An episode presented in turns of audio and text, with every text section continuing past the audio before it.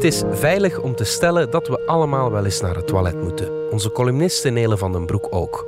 En bij een van die bezoekjes las ze Ik was hier in vette viltstift op de muur geschreven. Een statement dat Nele aan Beyoncé deed denken.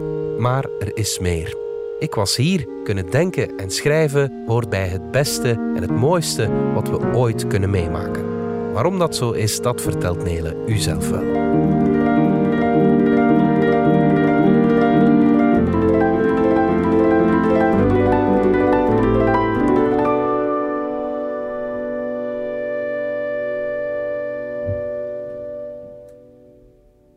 Ik was hier.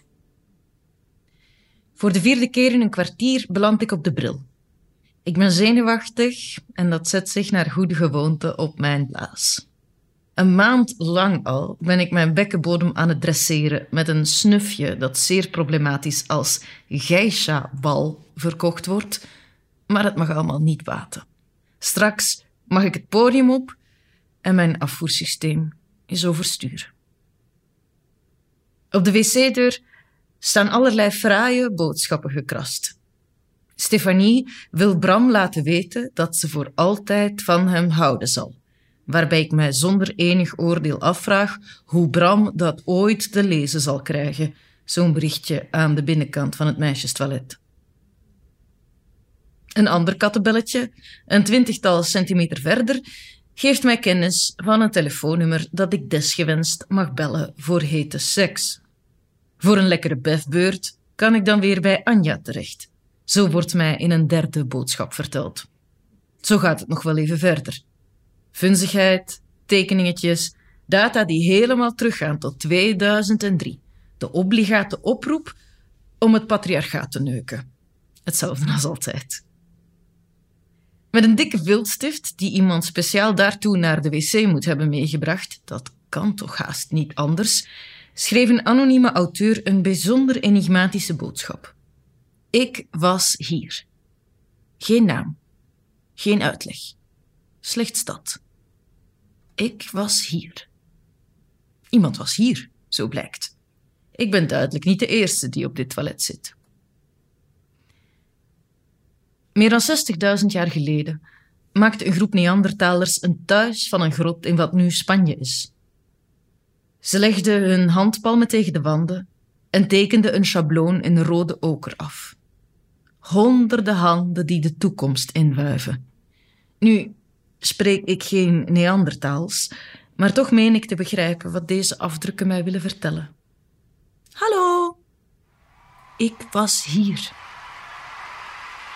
In 2012 viel aan Beyoncé Knowles de eerste beurt een nummer te zingen in het internationale hoofdkantoor van de Verenigde Naties, naar aanleiding van Humanitarian Day, Mensdag, zo u wil. Weet u welk nummer ze koos? I was here. I was here. Ik kan niet naar dat nummer luisteren zonder een hele snotzakdoek vol te huilen. Beyoncé, misschien wel de beroemdste vrouw ter wereld, zei exact hetzelfde als die Neandertalers in een grot en de onbekende meester van viltstift op toiletduur. Ik was hier. Ik was hier. Het is de oudste onbetwistbare boodschap die de mensheid aan zichzelf doorgeeft. Aan steeds een volgende generatie en dat al zolang er een mensheid is. Jullie waren hier niet de eerste. Wij waren hier ook. Niet-menselijke dieren bouwen nesten. Ze bouwen vallen, huizen en soms zelfs graven. Weet u wat dieren niet bouwen?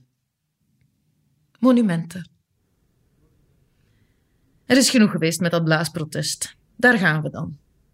Ik loop de toiletten uit, recht mijn rug en zwier mezelf een paar planken op. Mensen beginnen te applaudisseren zelfs vooraleer ik iets gezegd of gedaan heb. Waarom?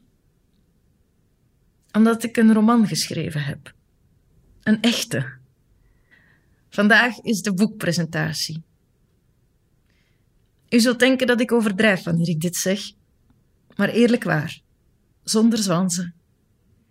Dit is de gelukkigste dag van mijn leven.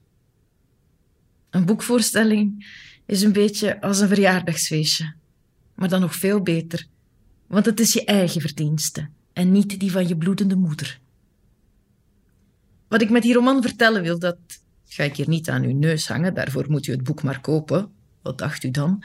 Maar onder mijn woorden zit sowieso de boodschap die elke schrijver met elk werk vertelt, zelfs bescheiden bungalowbewoners of anonieme auteurs.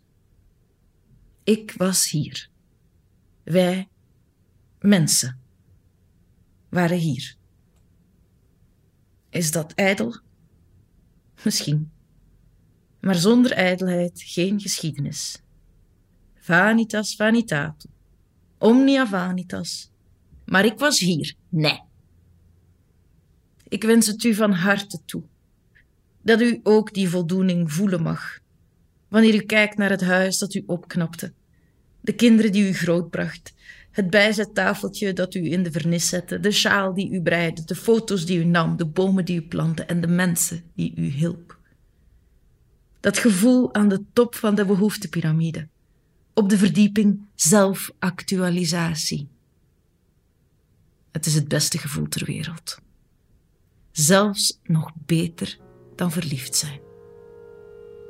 Dit moment is mijn monument. Ik ben Nele. Nele was hier.